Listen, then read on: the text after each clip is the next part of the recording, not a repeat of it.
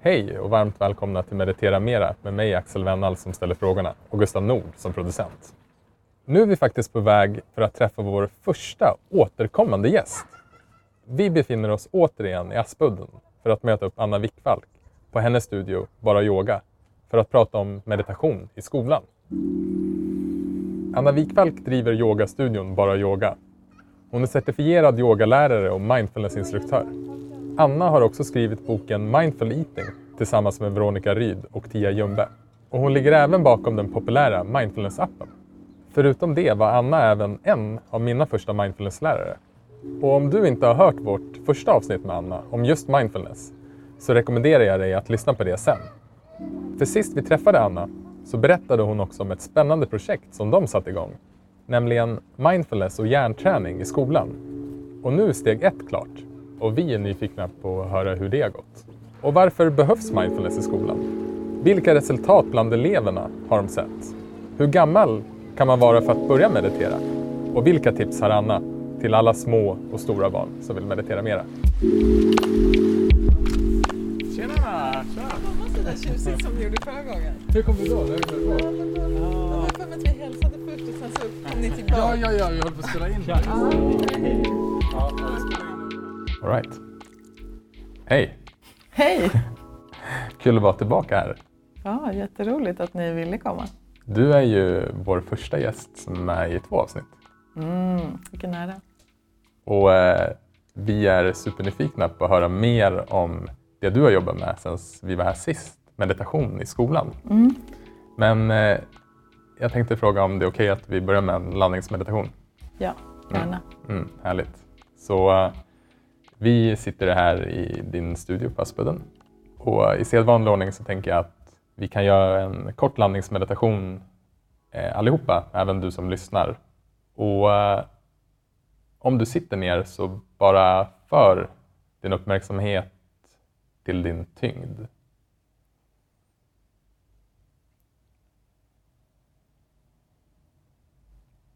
Och om du står eller går så kan du rikta uppmärksamheten eller en del av din uppmärksamhet till dina fötter. Och om du ligger ner så kan du bara känna hela kroppen.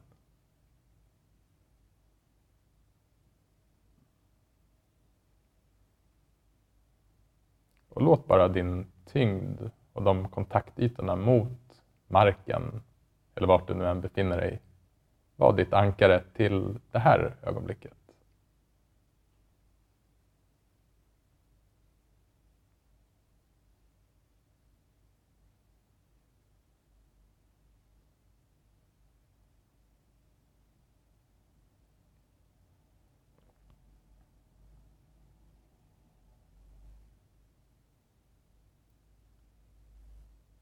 Medan du upplever din tyngd här och nu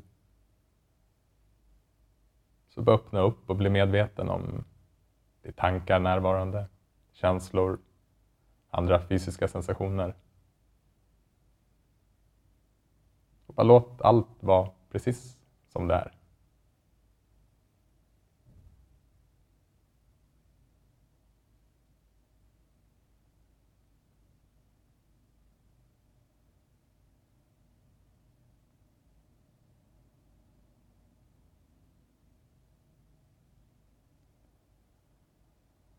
Och när du märker att din uppmärksamhet har försvunnit iväg i en tanke så vänd bara tillbaka uppmärksamheten utan ansträngning eller anspänning.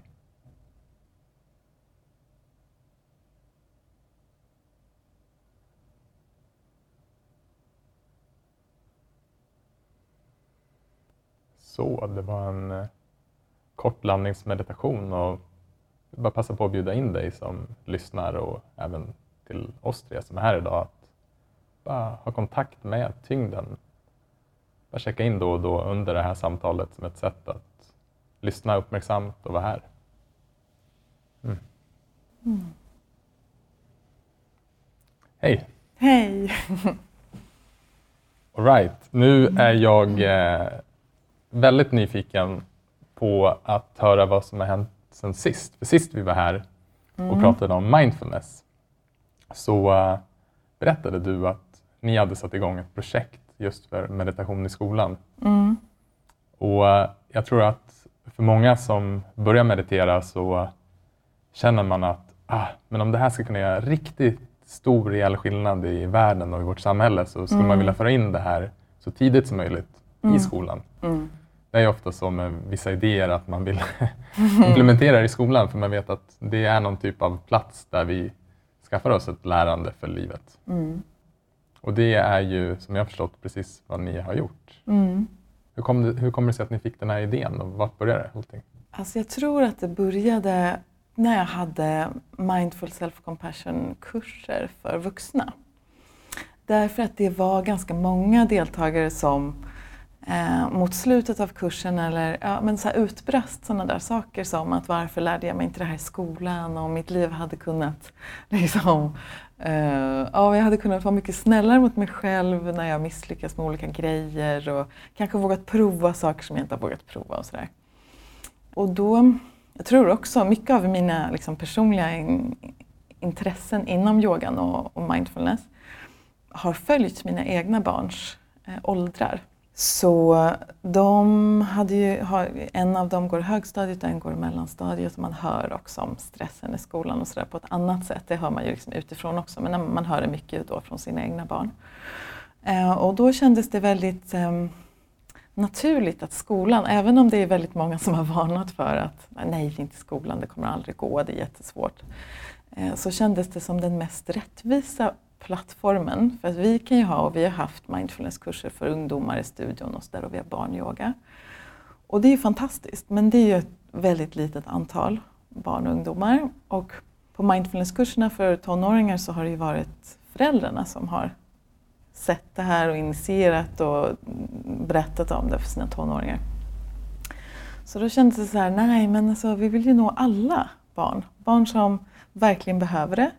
Barn som inte har föräldrar som skulle anmäla dem på någonting i en studio, kanske inte har råd. Um, ja, men så då väcktes det där, ah, jo men skolan är liksom den bästa, bästa plattformen. Och som du säger, skolan är ju den platsen där vi ska lära oss för livet. Och eh, de här um, verktygen, eller vad vi vill kalla det för, färdigheterna är ju eh, tror jag också kan verkligen bidra till att skapa en bättre värld. Det kan låta hur klyschigt som helst, men jag tror verkligen det. Och jag tror det är Dalai Lama som har sagt något så här att om alla barn fick lära sig meditation, jag tror kanske inte han har sagt det i skolan, men om alla barn fick lära sig meditation eh, så skulle vi ha en helt eh, förändrad värld på en eller två generationer. Och jag tänker också att man inte får låta sig stoppas av att saker och ting verkar vara omöjliga eller svåra. Så um, på det sättet så började det, sen nu det senaste året har vi jobbat mer intensivt i ett projekt, men innan dess så på olika sätt har jag gjort sporadiska saker i vissa skolor, haft mindfulnesskurs för en del lärare på en skola, mer som friskvård. Um, gjort som en pilot i en skola och varit en gång i veckan med en eh, åkfyra. Men det var också då saker och ting började växa fram. Så här, hur? Hur jobbar man bäst eh, i skolan? Inte nödvändigtvis, eller inte alls tror jag, att det är någon utomstående instruktör kanske som kommer. Mm. Så hur, eh, hur har ni gått tillväga nu med projektet? Vad är själva projektets omfattning och hur har det sett ut? Ja, alltså vi... Det var ett material som jag kom... Jag, jag höll på och sökte efter material mindfulness i skolan. Vad finns det för någonting? Finns Mm. det bra grejer så behöver man inte... Eh, det kan vara bra att ta fasta på de sakerna. Och då kom jag i kontakt med en amerikansk eh, man som har ett så himla svårt efternamn, men Daniel R kallar vi honom för. Eh, han har utvecklat ett program som heter The Mindful Education. Och då gick jag hans onlinekurs och tyckte den var otroligt, otroligt bra. För att den skilde sig från så mycket annat där det kanske handlar om att komma in åtta veckor i en klass, som vi gör då med vuxna på kurser, eller um, en hel dag med mindfulness. Jag ville verkligen så här komma ifrån det där för att då är det så himla lätt att ja, det blir en jätteintressant grej men sen så försvinner det oftast bort. Så då ville vi, eller jag ville väl gärna hitta någonting som var så här, hur kan man integrera det här? Hur kan det bli liksom som en röd tråd i skolans värld? Och det materialet är väldigt upplagt så. Så jag kontaktade honom och då kopplade han ihop mig med en svensk man i Göteborg. Och tillsammans så har vi fått tillåtelse att använda hans eh, material väldigt eh, generöst. Och under det här projektet så valde vi ut mm, fem skolor. Och det var ju ganska svårt att under en kort tid, eh, för det här var ett projekt på tio månader, att få kontakt med skolor. Är det någonting som jag har lärt mig så är det att skolor har framförhållning. Mm. Så det är väldigt mycket ringa runt, ringa runt, ringa runt. Men vi hittade fem skolor som ville vara med, eh, både grundskola och gymnasium. Och det vi har försökt utforska det är så här, hur kan man hitta en modell som, som funkar kvalitetsmässigt men som också förhåller sig till hur skolan ser ut i form av tid och liksom ekonomiska resurser. Så då fick mellan fem och tio pedagoger på varje av de här fem skolorna. På vissa skolor var det också någon från elevhälsan med, vilket var väldigt bra. Så då fick de göra en onlinekurs i vår app som heter Mindfulness på arbetsplatsen. Så då gjorde de den under en sju veckors period, så ett tillfälle en gång i veckan. Så var tanken att de skulle öva då mellan tillfällena. Ja, det gjorde de innan sommaren eller under sommaren och sen så träffades vi på hösten och då hade vi en två dagars utbildning som var mer fokus på hur kan de lära ut till eleverna.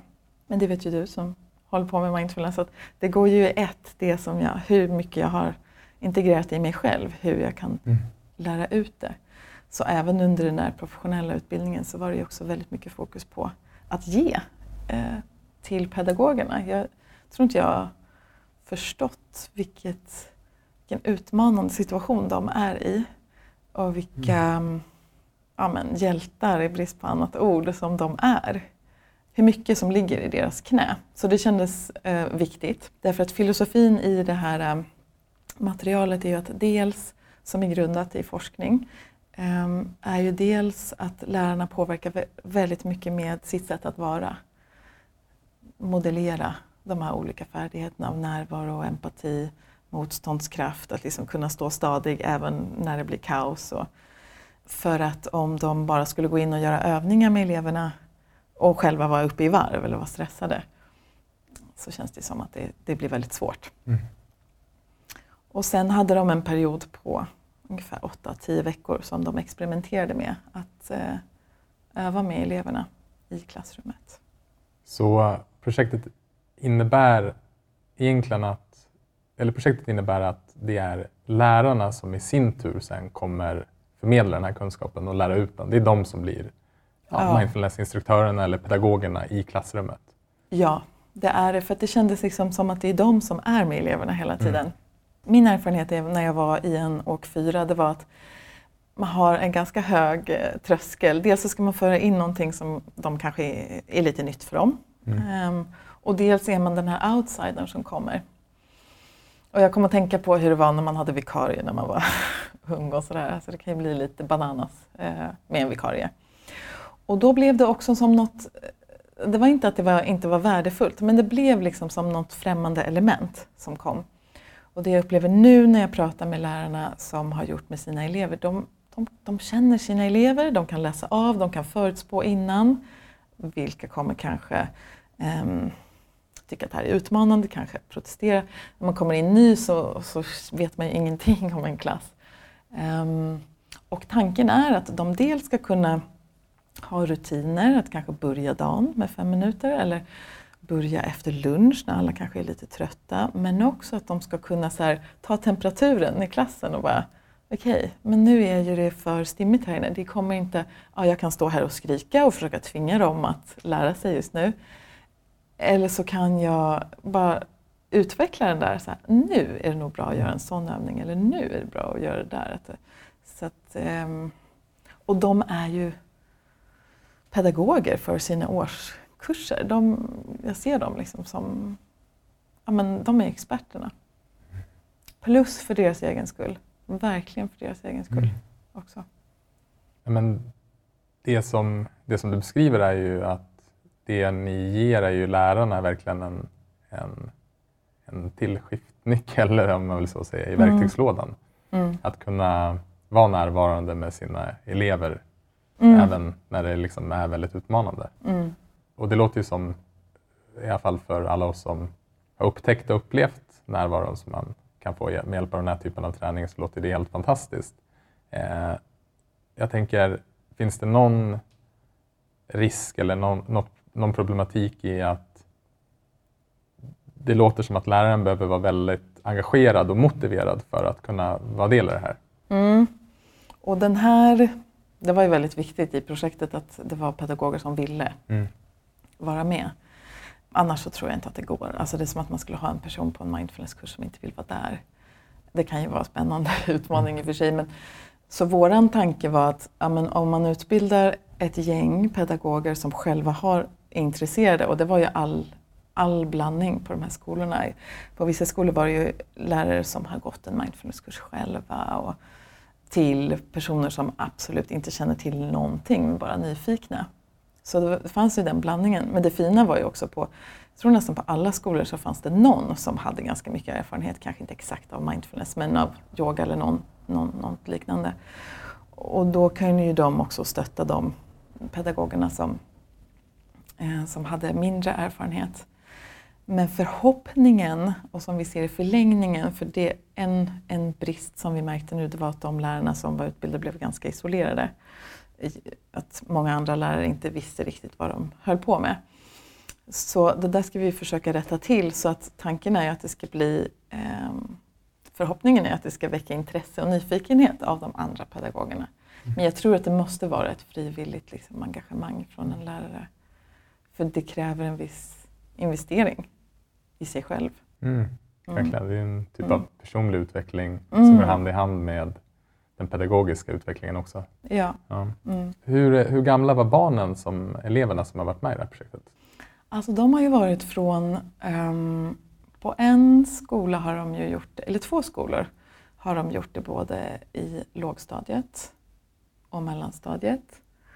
Ja, det är faktiskt också högstadiet, gymnasiet. Okej, så det är Mm. hela grundskolan. Så det är hela grundskolan och Mm. gymnasiet. Mm. Mm. Och hur har själva programmet sett ut i klassrummen?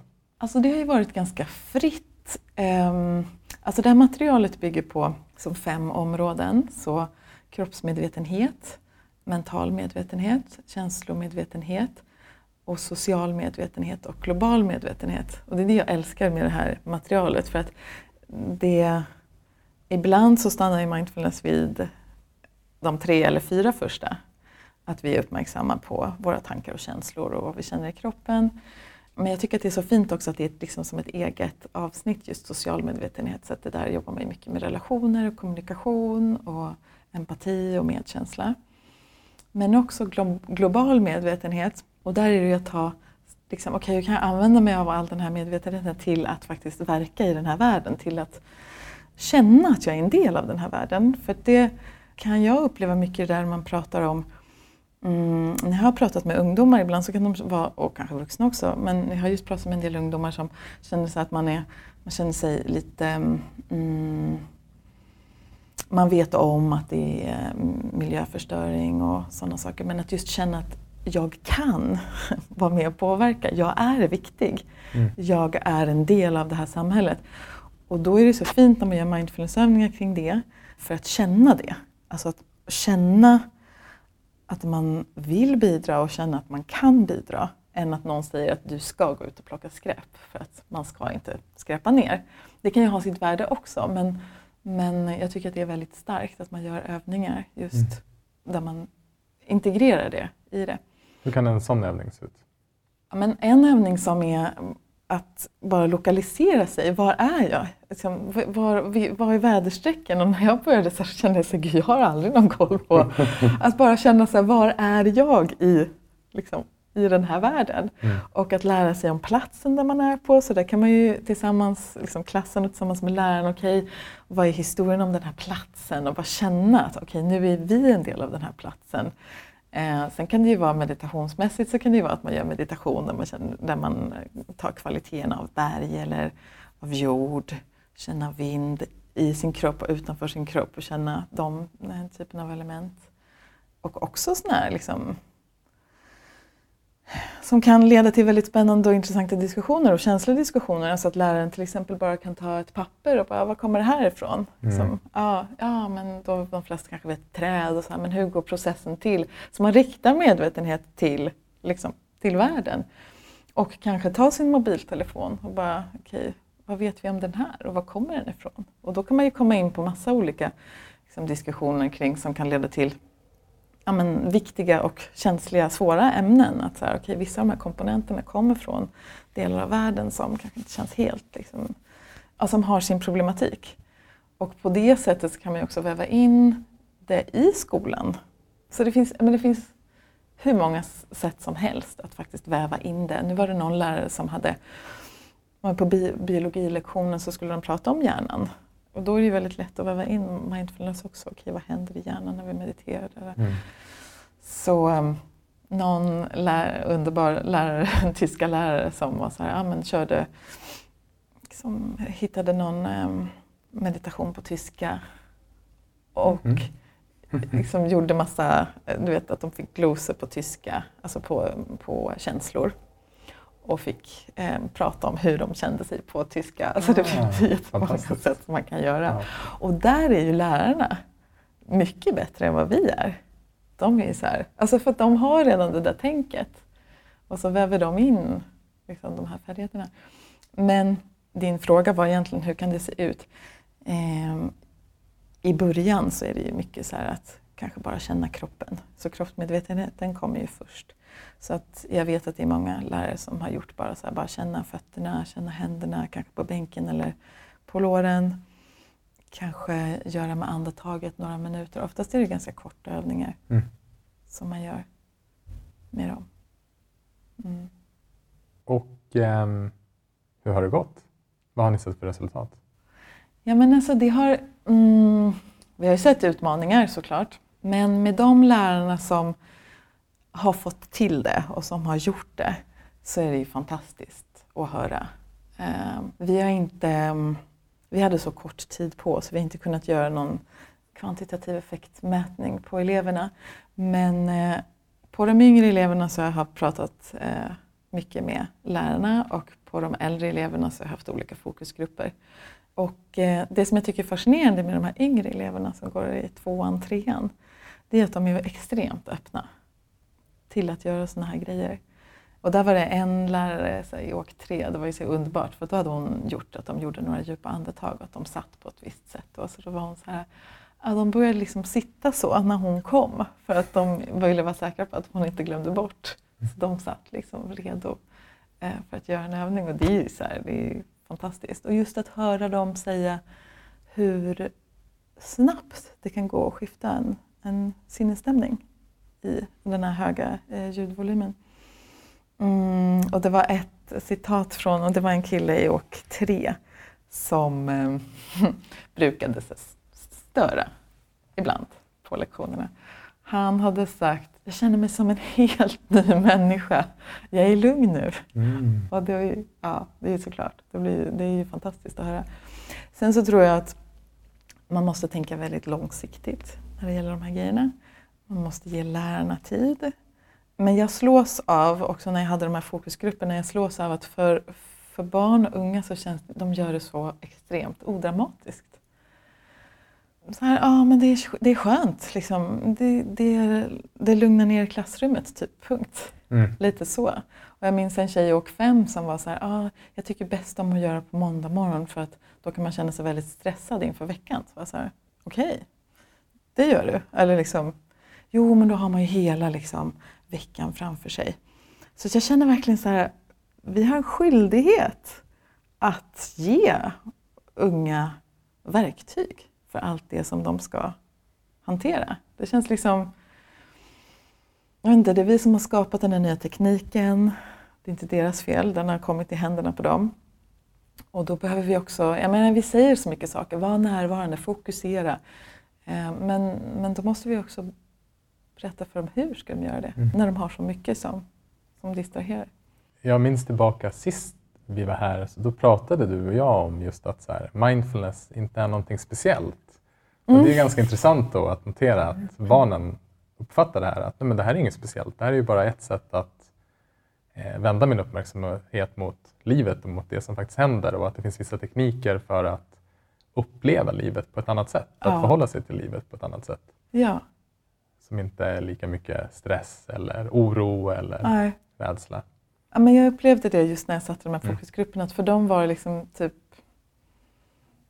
ingen stor sak. Nej. Bara ett, en grej som kan hjälpa till. Och jag Mm. minns en kille i åk nio som eh, han bara sa med sin självklarhet att så här, men jag spelar hockey. Och, ehm, för vi har också gjort meditationerna ska jag säga, för barn och unga gratis i appen. För det var en sak som växte fram under projektet att det är klart att de ska ligga där. För att vi vill ju att de ska kunna, vi vill att lärarna ska kunna använda de meditationerna i klassrummet om de inte känner sig bekväma att guida själva. Men vi vill ju också att de ska kunna öva hemma. Och då så sa han att men jag har hockeyträning på kvällen och så brukar jag komma hem klockan 11. Och då har jag jättesvårt för att gå ner i varv så jag brukar inte somna förrän klockan två. Men nu gör jag en övning i appen och så somnar jag tidigare. Så.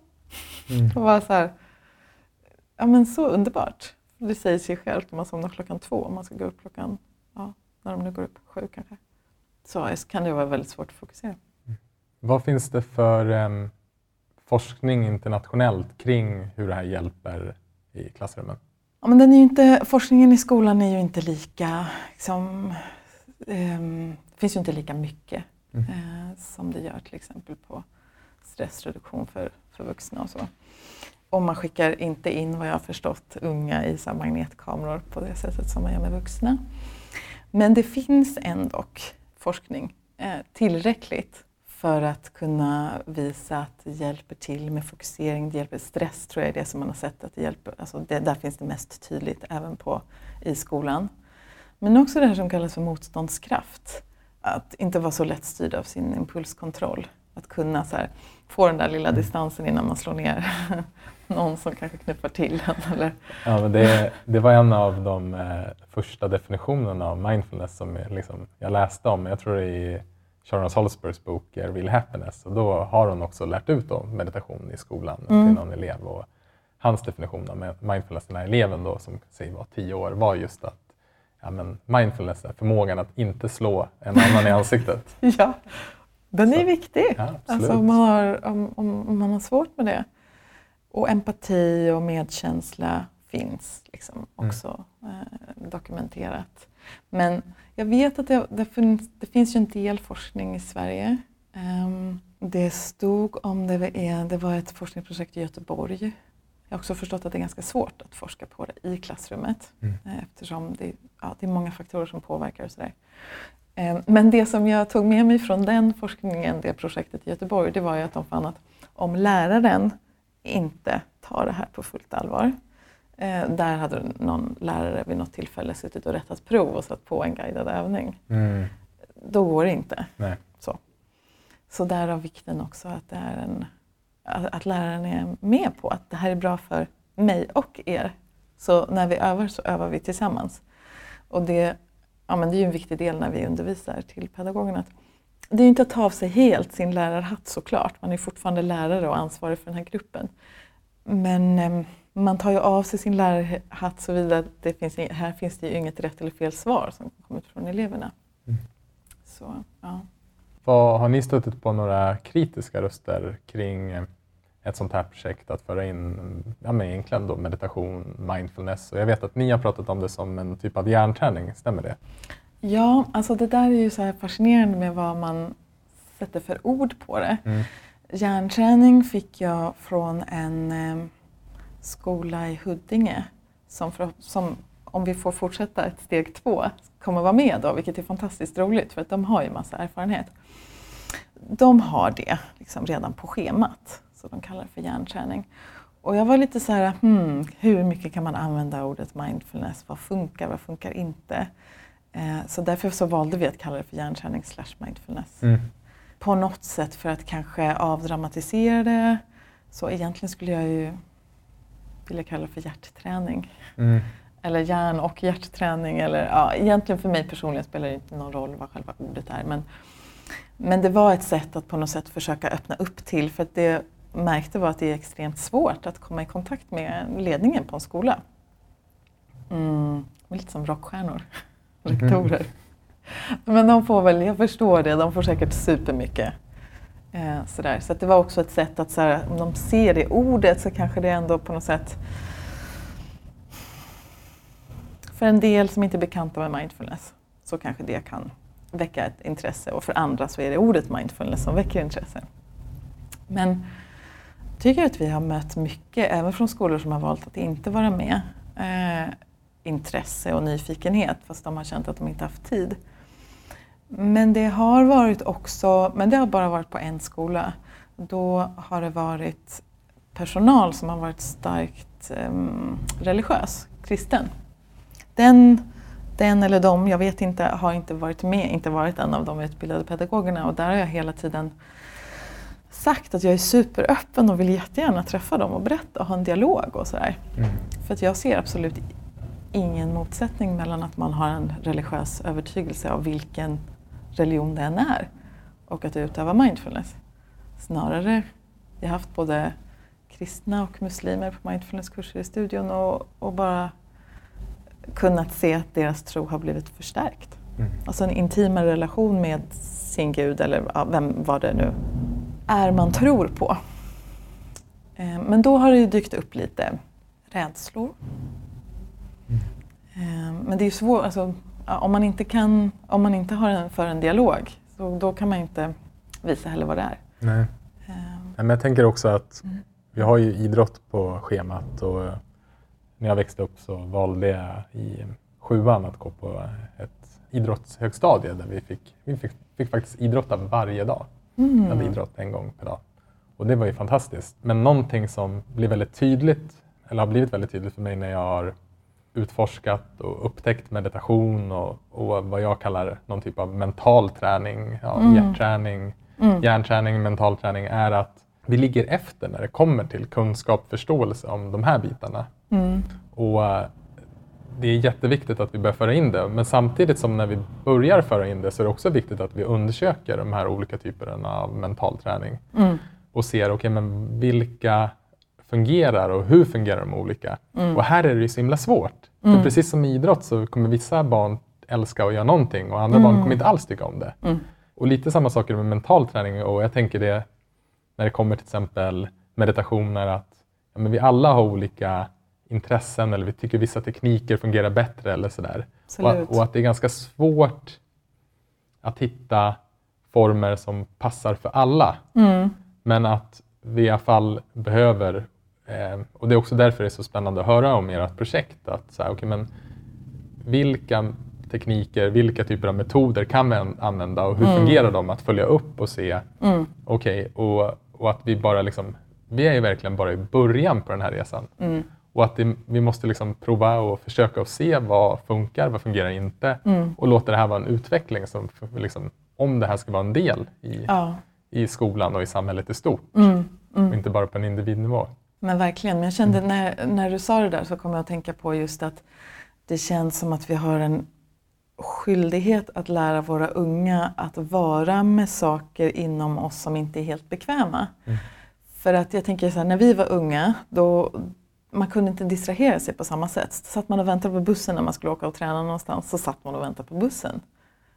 Jag, jag har ingen minne av att jag hade med mig någon bok eller en serietidning eller någonting. Utan man, man satt där mm. och väntade. Och um, det som jag hör från vissa lärare det är att uh, det är deras upplevelse att unga idag um, är så ovana vid att vara nere i sin kropp. Mm. Så det var en lärare som sa, hon var så här, det är säkert vissa av de här eleverna, det här var ju lite äldre elever, som har panikångest. Det är inte för att ta bort deras upplevelse, men hon sa att vissa av dem säger att de har det, men, men hon var så här, men jag tror inte att det är det de har.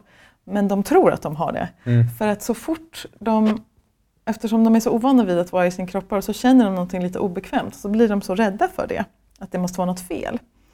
Och då kan jag känna att vad det än är, men, men några övningar för att lära känna att så här känns det när man är orolig, så här känns det när man är rädd, så här mm. känns det när man är lite ledsen.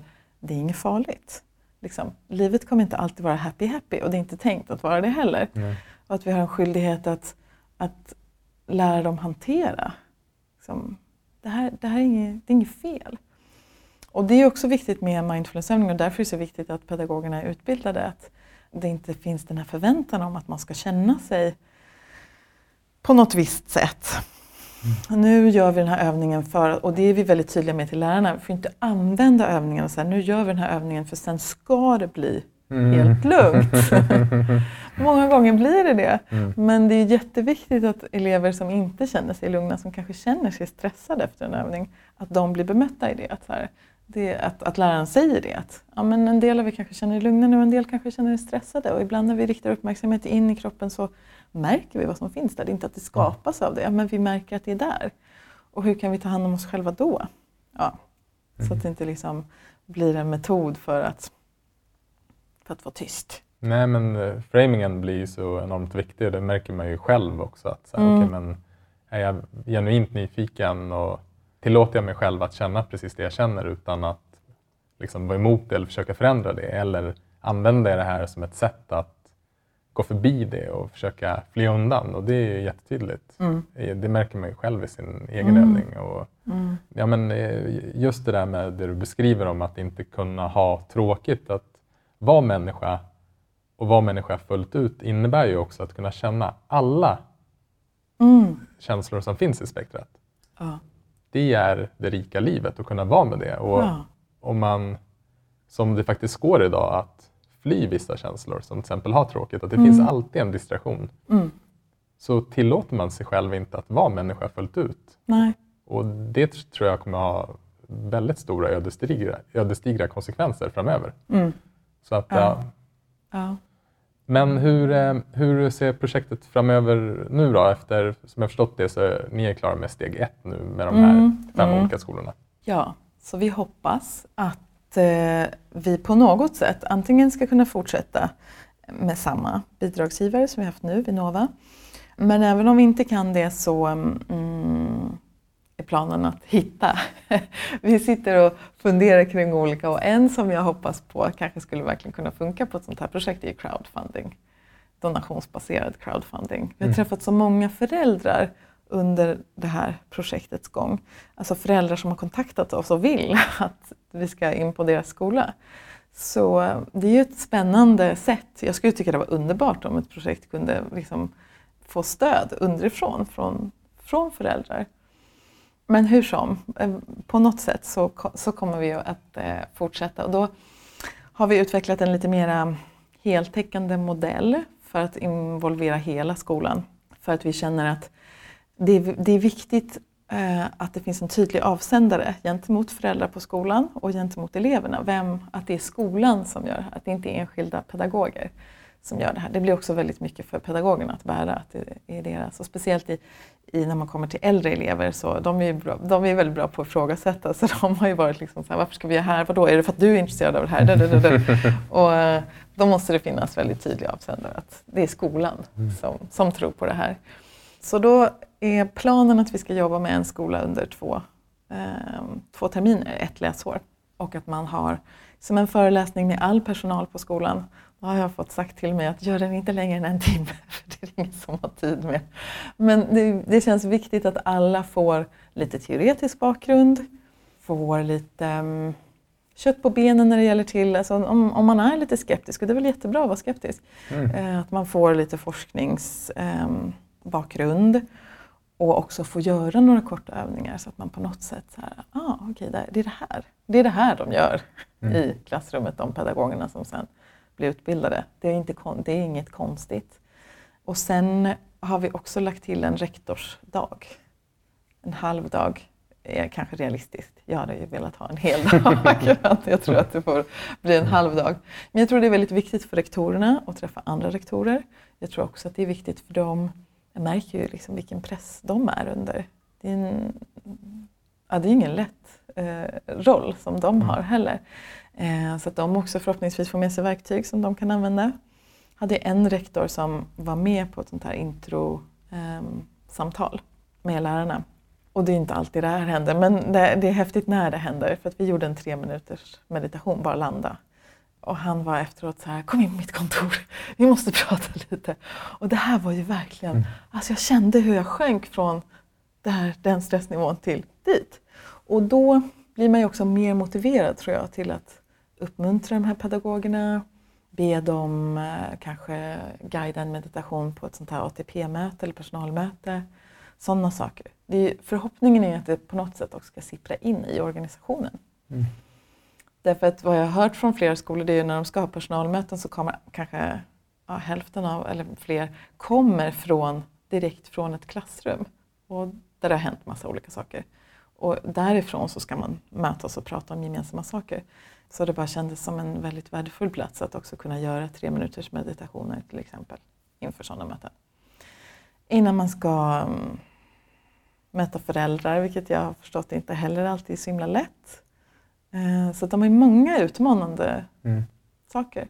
Men jag, ett ord som fastnade hos mig som du sa var just det här med att vara skeptisk. Mm. Och jag tycker det också är en, eh, det är liksom en fantastisk förmåga vi har att vara skeptiska. Det här är Mm. liksom, men det, det jag tänker på är en, en grej som jag hörde Adyashanti, som jag vet att du också följer, Mm. eh, när han fick frågan om det här, men liksom hur, vad säger du till de som är skeptiska? Och då svarade han att ja, nej, men, bra, fantastiskt, du har all rätt att vara skeptisk. Mm. Så fortsätt vara skeptisk, men ifrågasätt inte bara det här, utan ifrågasätt allt.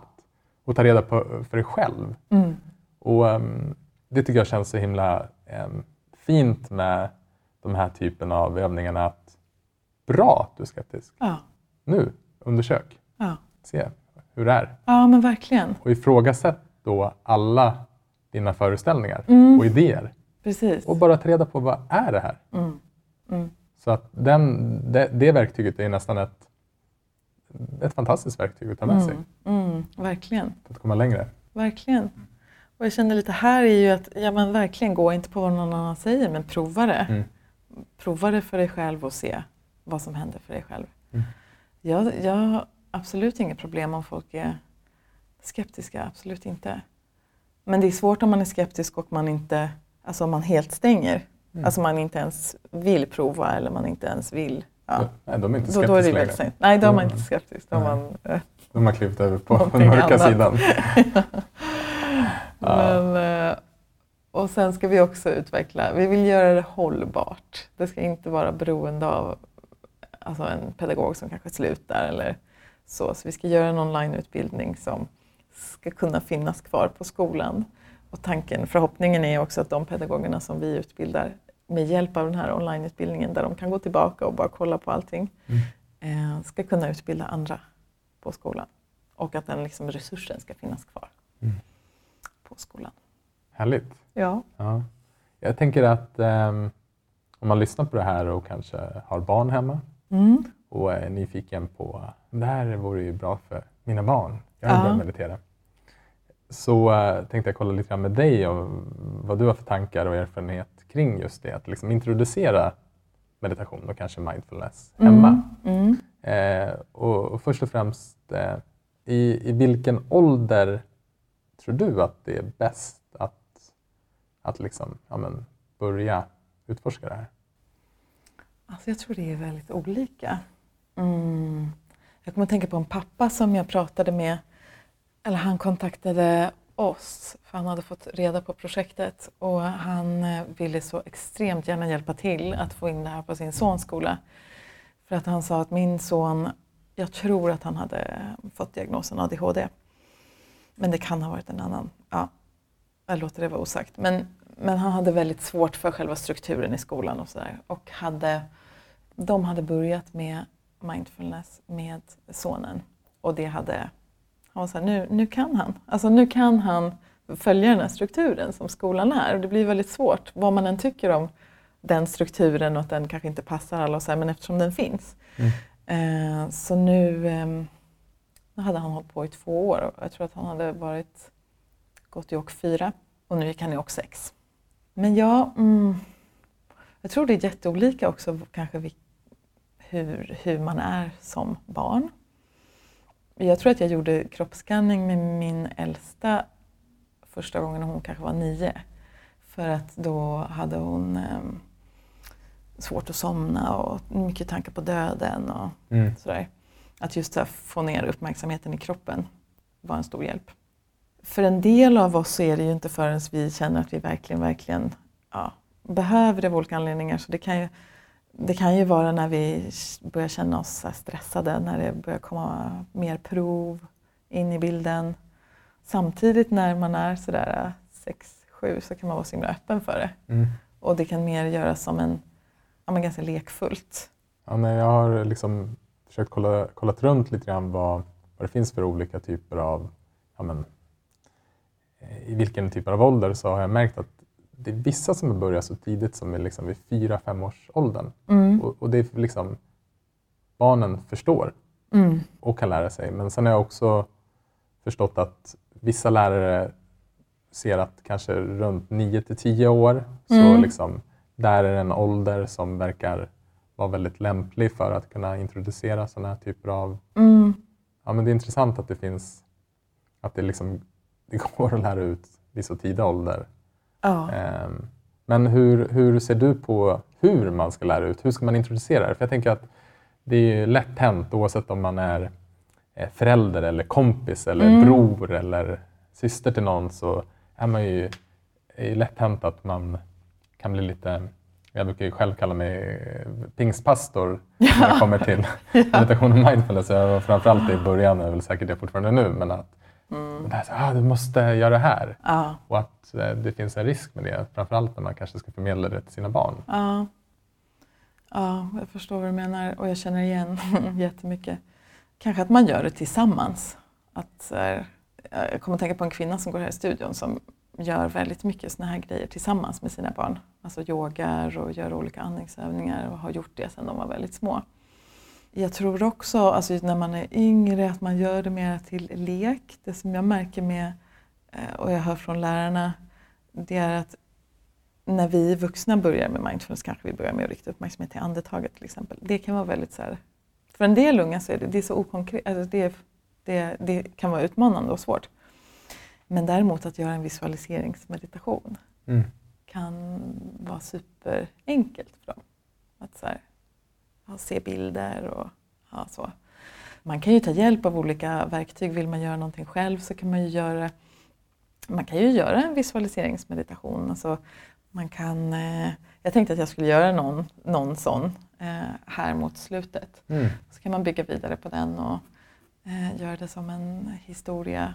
Man kan ju också göra så här bara när man sitter och äter till exempel. Att man uppmuntrar till att använda sinnena.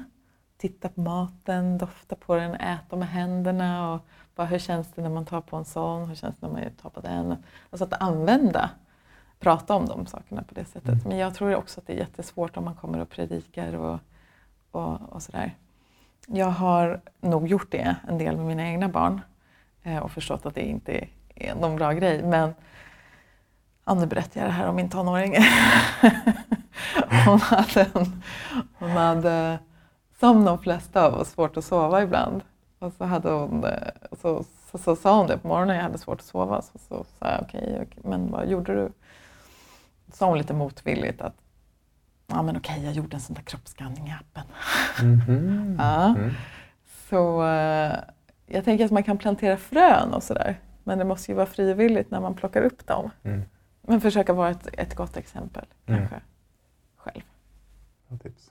Var närvarande, Mm. helt enkelt. Ja. Så enkelt och så svårt. Ta bort telefonen själv istället Mm. för jag menar, man kan ju såklart säga det till, eh, man får göra som man vill. Men jag, jag, kan, jag kan känna på mig själv ibland att så här, mm, jag kan inte säga en sån sak och göra så här. Jag Mm. måste ju göra likadant. Jag tänker att det är kanske inte så många barn eller äldre barn, eh, tonåringar som kanske lyssnar på det här. Men hur eh, i din egen praktik, Mm. vad har du eh, noterat själv senaste tiden? Vad är, liksom, vad är temana i insikterna som du har fått den senaste tiden? Är det någonting du vill dela med dig av? Ehm, generellt Generellt? Generellt? Ja. Alltså jag jobbar för tillfället väldigt mycket med eh, kroppen. Alltså, jag kände att k- väldigt stor del av min meditationsutövning har varit typ härifrån och upp. Mm. Liksom. Ta in nu ljuset pekar du här. på magen. Och Ja, nu pekar jag på hjärtat och upp. Ja. Ja. Har insett att det finns otroligt mycket härifrån och ner Mm. att upptäcka. Det kan vara så skönt att gå hit. Men att gå ner hit, och nu pekar jag på nedre delen av magen. Här finns det så mycket. Här finns det så mycket visdom och så mycket kraft. Och, men det har bara varit de senaste ett och ett halvt åren som jag har hittat lärare som liksom jobbar mycket med, med det området och kontakten ner till jorden. Och, Mm. ja. För jag tänker att vi är ju det är härligt att gå dit, men det är viktigt att, att gå dit och det kan vara jättespännande att forska neråt också. Det är härligt att gå uppåt men det är viktigt att gå neråt. Ja. Det finns mycket att upptäcka neråt. Vilk... Att vara förkroppsligat fullt ut. Mm, mm. Och verkligen så här, känna det här, det finns ju olika meditationstraditioner och sådär men för mig känns det så himla viktigt att det är det spirituella men jag är också fullt ut en människa som lever här och jag vill verka här. Liksom, så länge jag lever i den här kroppen så vill jag verkligen eh, manifestera saker och hjälpa till med saker i den här världen och då måste jag också själv vara fullt i varje liten cell av min egen kropp. Mm. Lite så. Tips. Om du eh, skulle ge dig själv ett tips, om du eh, skulle kunna göra en tidsresa tillbaka till första gången du skulle meditera. Det jag minns här för mig att det var i Mm. Thailand var på något tio dagars retreat. Mm. Ja. Vad skulle du ge dig själv för tips då?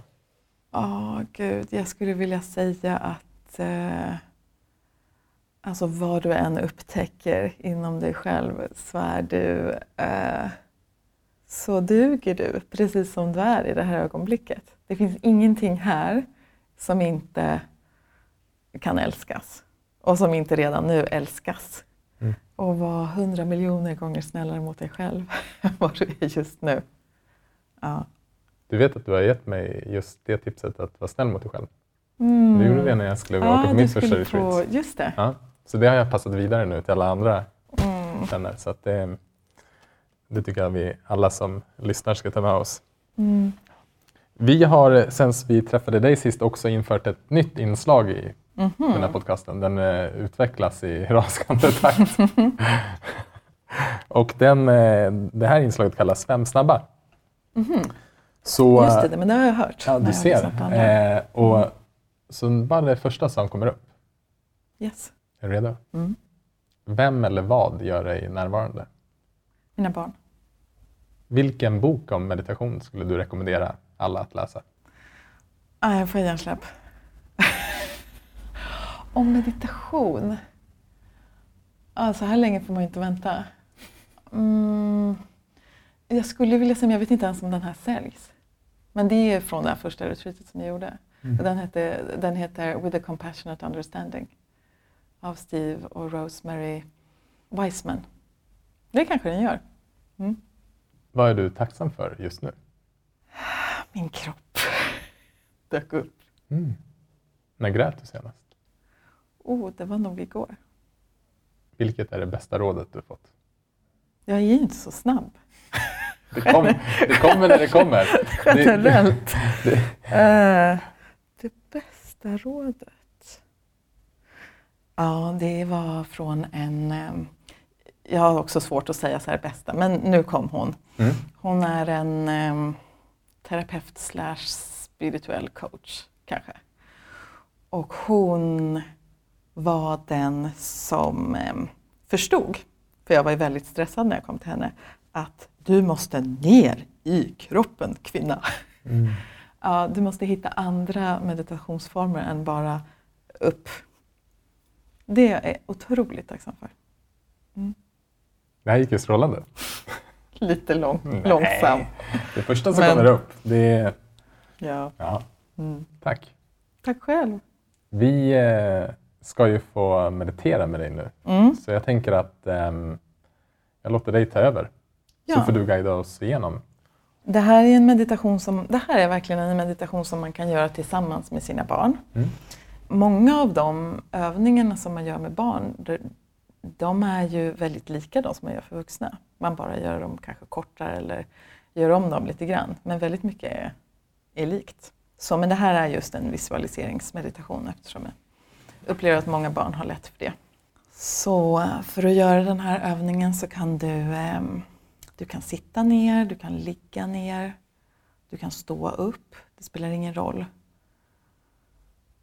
Men eh, gör det så bekvämt som du kan för dig just nu. Och känner du dig bekväm med det så kan du sluta dina ögon. Men du kan också ha ögonen öppna. Då kan du bara sänka din blick, hålla den still på någon punkt. Och så härifrån så kan du eh, visualisera en plats, eller bara tänka på en plats som eh, du känner dig trygg på. En plats som du tycker väldigt mycket om att vara på och där du känner dig lugn och trygg. Och det här kan vara precis vad som helst. Det kan vara en, ehm, en plats som du har varit på. Det skulle kunna vara inne på ditt rum, kanske en, i din säng under täcket. Det kan vara en um, plats som du kanske har besökt på någon semester. Kanske en strand, kanske en sommarstuga, kanske hos en uh, släkting. Men det kan också vara en plats i din fantasi.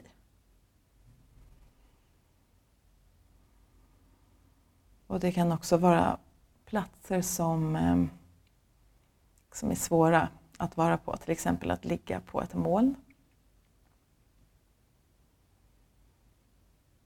Så bara gör så gott det går att bestämma dig för en plats och se den där platsen så tydligt som du bara kan framför dig.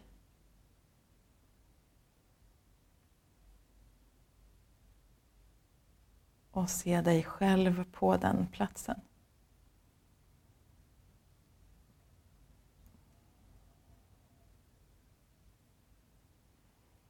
Och när du befinner dig på den här platsen, se om du kan eh, höra några ljud.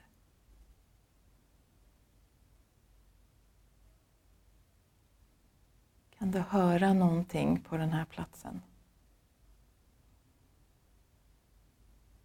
Eller är det alldeles tyst?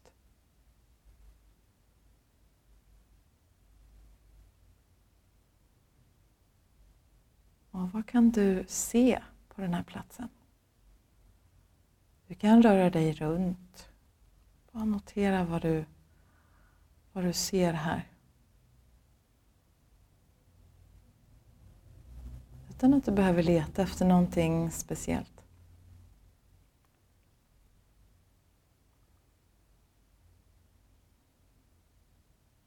Kan du känna någon doft? Är det någonting som luktar på den här platsen?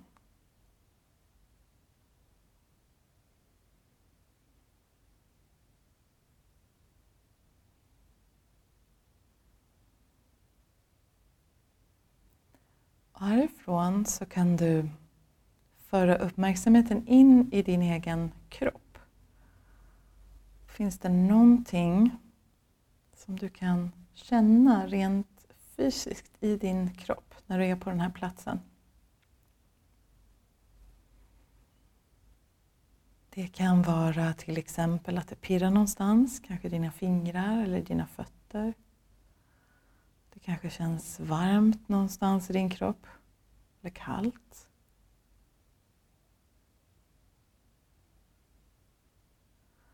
Ibland så kanske du märker att du inte är kvar på din trygga plats. Du kanske börjar tänka på någonting annat.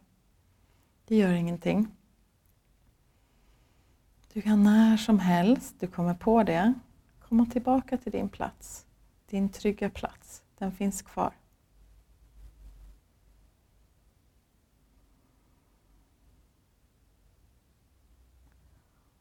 och se om det är möjligt för dig att avgöra hur du känner dig just nu.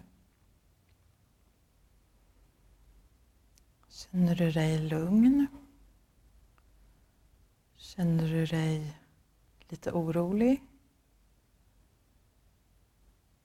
Känner du dig eh, glad? Eller kanske ledsen?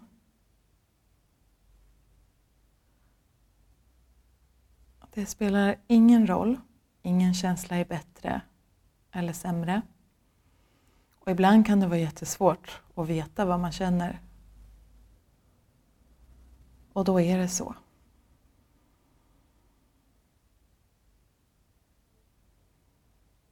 Och den här trygga platsen kan du alltid komma tillbaka till när du känner att du, du behöver det, att du vill det. Så kan du besöka den. Och om du vill så kan du avsluta med att ta två djupa andetag in och ut genom din näsa.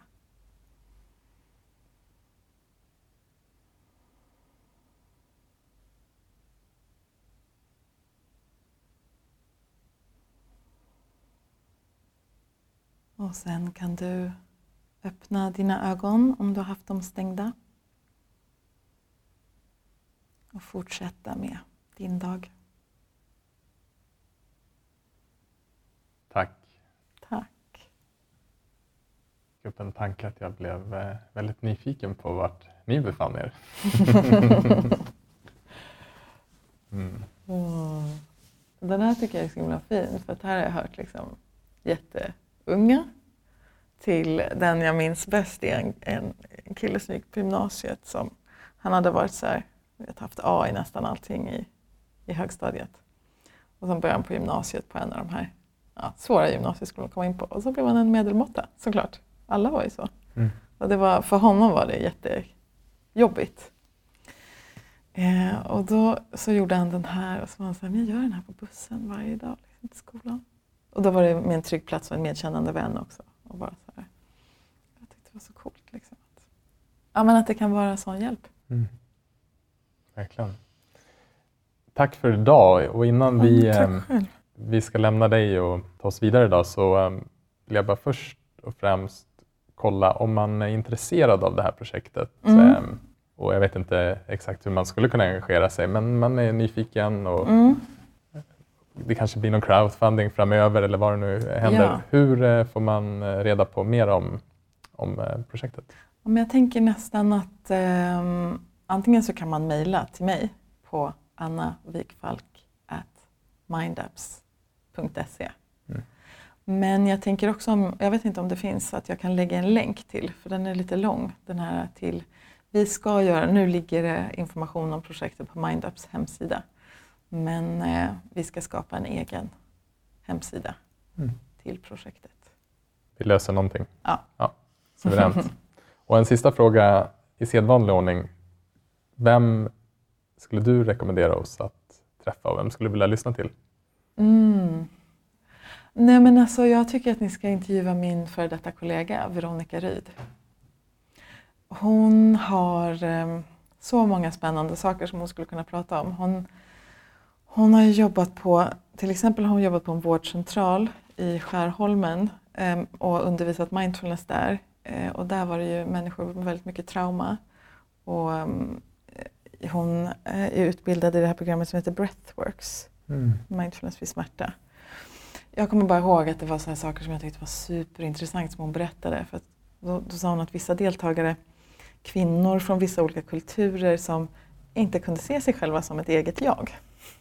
De liksom hörde ihop med sätt att jobba med att så här, men du har ju rätt att få känna liksom, in i bara dig och så här. Så det, eh, och sen jobbar hon ju fortfarande mycket mer än vad jag gör med mindful eating. Så hon är superspännande att prata med det också om. Både grupp men också individuellt.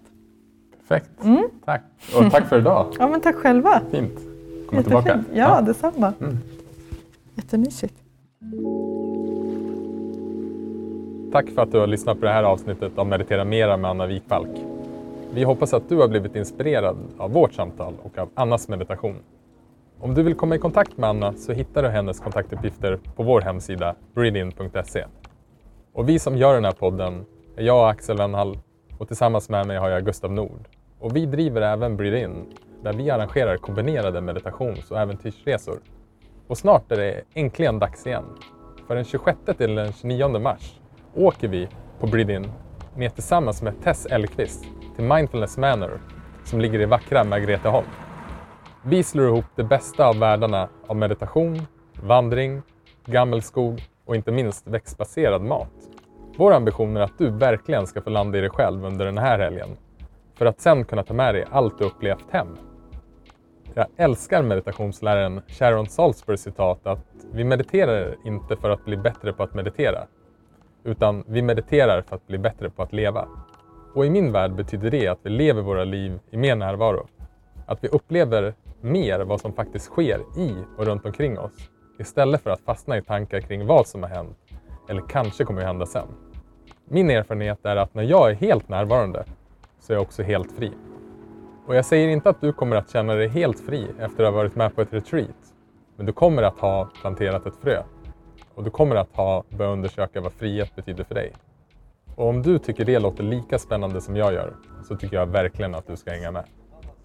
Och sen har vi såklart Breed In Stockholm, ett helgretreat på Björnbacka gård som du kan läsa mer om på vår hemsida. Sedan är vi också väldigt stolta över att kunna berätta att vi ska träffa Chris Germer i podcasten lite längre fram i vår. Chris är en pionjär inom mindfulness self-compassion och har tillsammans med Kristin Neff tagit fram utbildningsprogrammet för MSC som det förkortas. Han kommer till Sverige helgen den 4 och 5 april för att leda en mindfulness self-compassion core skills training, alltså en två dagars workshop. Och för dig som inte känner till mindfulness self-compassion så handlar det om att kombinera kompetenserna från mindfulness och self-compassion för att öka vårt emotionella välmående. Så vi vill verkligen passa på att tipsa dig som lyssnar att gå på hans workshop. Och vi kommer lägga ut en länk på vår Facebook-sida som heter kort och gott Breathe In. Så missa inte den här chansen. Och är det något vi har tagit med oss från vårt samtal med Anna är det att meditation i skolan är här för att stanna.